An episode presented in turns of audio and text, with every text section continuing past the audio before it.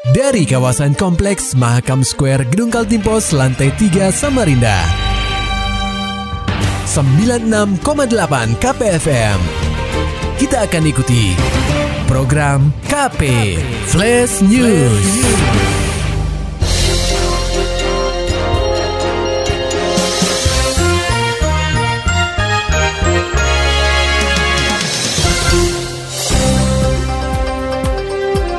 Pendengar KP, pada Kamis 2 Juli 2020, Komisi Pemberantasan Korupsi atau KPK menyegel rumah jabatan Bupati Kutai Timur yang berlokasi di Kompleks Bukit Pelangi Sangata. KPK juga menyegel kantor Badan Pengelolaan Keuangan dan Aset Daerah atau BPKAD. Insiden ini menuai tanggapan Ketua DPRD Kaltim Makmur HAPK. Menurut dia, penangkapan ini menjadi pembelajaran bagi para pejabat yang ada di benua etam. Saat-saat ini sudah saya kira ini menjadi pengalaman kita berharga lah.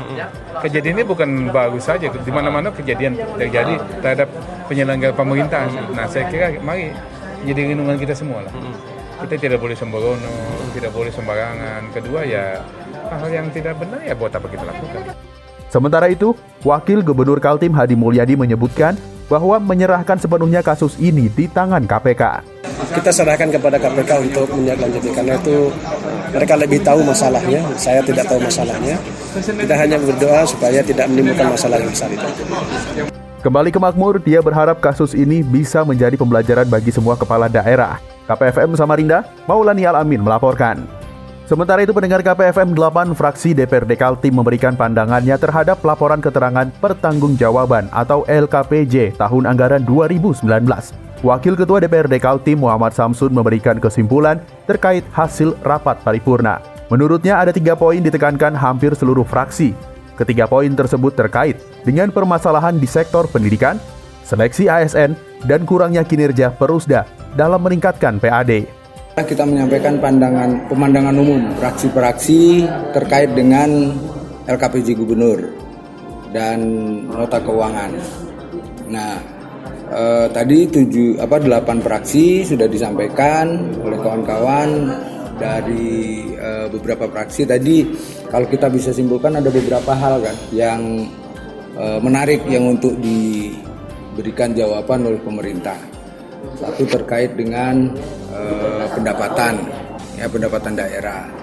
Kemudian eh, terkait dengan apa namanya eh, pendidikan, terkait dengan eh, apa namanya seleksi ASN, ya seleksi ASN yang di eh, lelang jabatan dan sebagainya, kemudian terkait juga dengan perusda.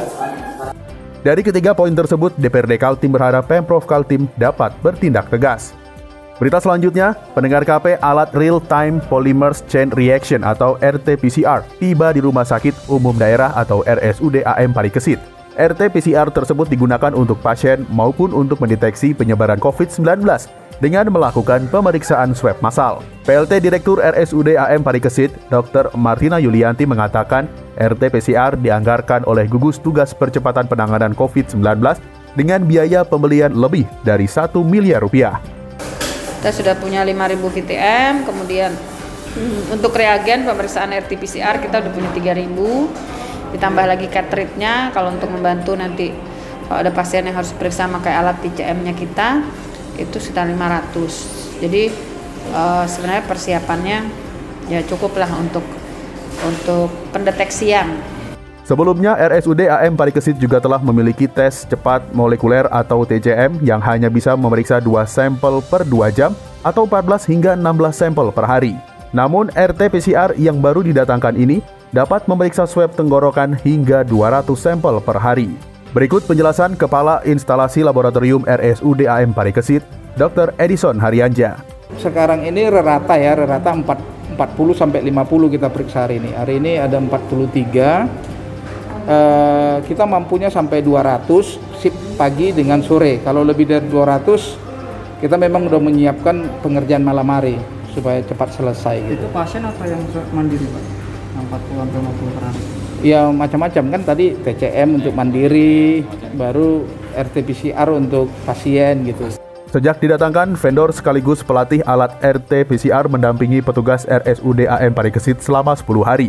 Edison menjelaskan tim laboratorium RSUD AM Parikesit didukung tiga dokter spesialis laboratorium, yakni dua patologi klinik dan satu mikrobiologi, serta tujuh analis khusus biomolekuler. Ratusan masa dari Aliansi Nasional Anti Komunis Anak NKRI Kalimantan Timur menggelar unjuk rasa di depan gedung DPRD Kaltim menolak pembahasan RUU HIP. Laporan selengkapnya akan disampaikan oleh reporter KPFM Samarinda, Muhammad Nur Fajar. Pendengar KP, gelombang penolakan pembahasan rancangan Undang-Undang Haluan Ideologi Pancasila atau RUU HIP terus bergejolak di Indonesia, tidak terkecuali di kota tepian. Khusus di Samarinda sendiri, ratusan masa yang tergabung dalam Aliansi Nasional Anti Komunis Anak NKRI Kalimantan Timur menggelar unjuk rasa di kantor DPRD Provinsi Kaltim, Jalan Tuku Umar, pada Jumat 3 Juni 2020. Pimpinan aksi, Agus Wijaya mengatakan, pihaknya dengan tegas menolak RUU HIP untuk disahkan, serta akan mengawal dan mendukung maklumat Dewan Pimpinan Majelis Ulama Indonesia atau MUI Pusat terkait hal tersebut. Oke, jadi kami dari perwakilan Komunitas Aliansi Nasional Anti Komunis NKRI Kota Samarinda Kalimantan Timur menolak RUU HIP itu disahkan. Jadi kami meminta untuk dibatalkan. Agus, sapaan akrabnya menganggap bahwa RUU HIP sebagai sebuah aturan yang membangkitkan ideologi komunis dan sangat berbahaya bagi kedaulatan Negara Kesatuan Republik Indonesia atau NKRI. Agus membeberkan, dalam rancangan RUU HIP, ada beberapa bunyi Pancasila yang akan diubah. Salah satu yang berubah ialah sila pertama, di mana bunyinya akan diganti menjadi ketuhanan yang berkebudayaan. Karena yang pertama, klausal untuk ketuhanan yang Maha Esa itu diganti oleh klausal ketuhanan yang berkebudayaan. Itu yang pertama, yang paling mendasar. Yang kedua, tidak ada masuknya TAP MPRS nomor 25 tahun 1966 tentang bahaya paham komunis, kemudian juga melarang komunis dan juga penjabarannya yang bisa ingin untuk komunis itu kembali. Tidak ada sekali konsideran yang itu. Itu yang kita harapkan.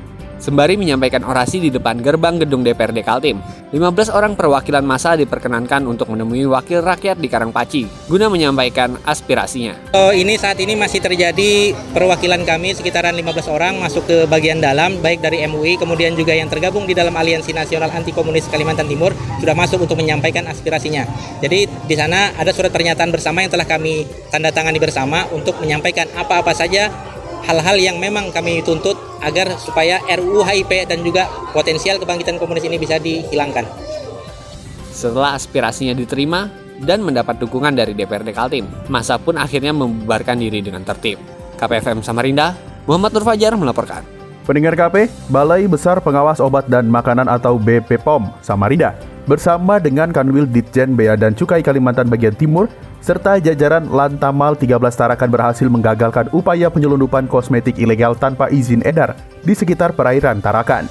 Kepala BPOM Samarinda Leonard Duma mengatakan berdasarkan hasil pengungkapan kasus kosmetik ilegal ini, pihaknya menemukan sekitar 58 item produk kecantikan tanpa izin edar dengan tujuan Samarinda, Balikpapan, dan Tarakan yang berasal dari Malaysia. Sehingga kalau ditotalkan bahwa totalnya ada 50 item dengan eh, uh, 10 tujuan pengiriman dan ditotalkan ada 8.353 pitch. Perkiraan nilai keekonomian keseluruhan adalah 830 2.689.000. Ini jumlah yang sudah diamankan saat ini dan perlu disampaikan bahwa ini masih tetap berproses karena ternyata pengirimannya bukan sekali dua kali tetapi eh, dalam beberapa periode pengiriman sehingga terus-menerus dilakukan eh, pemantauan.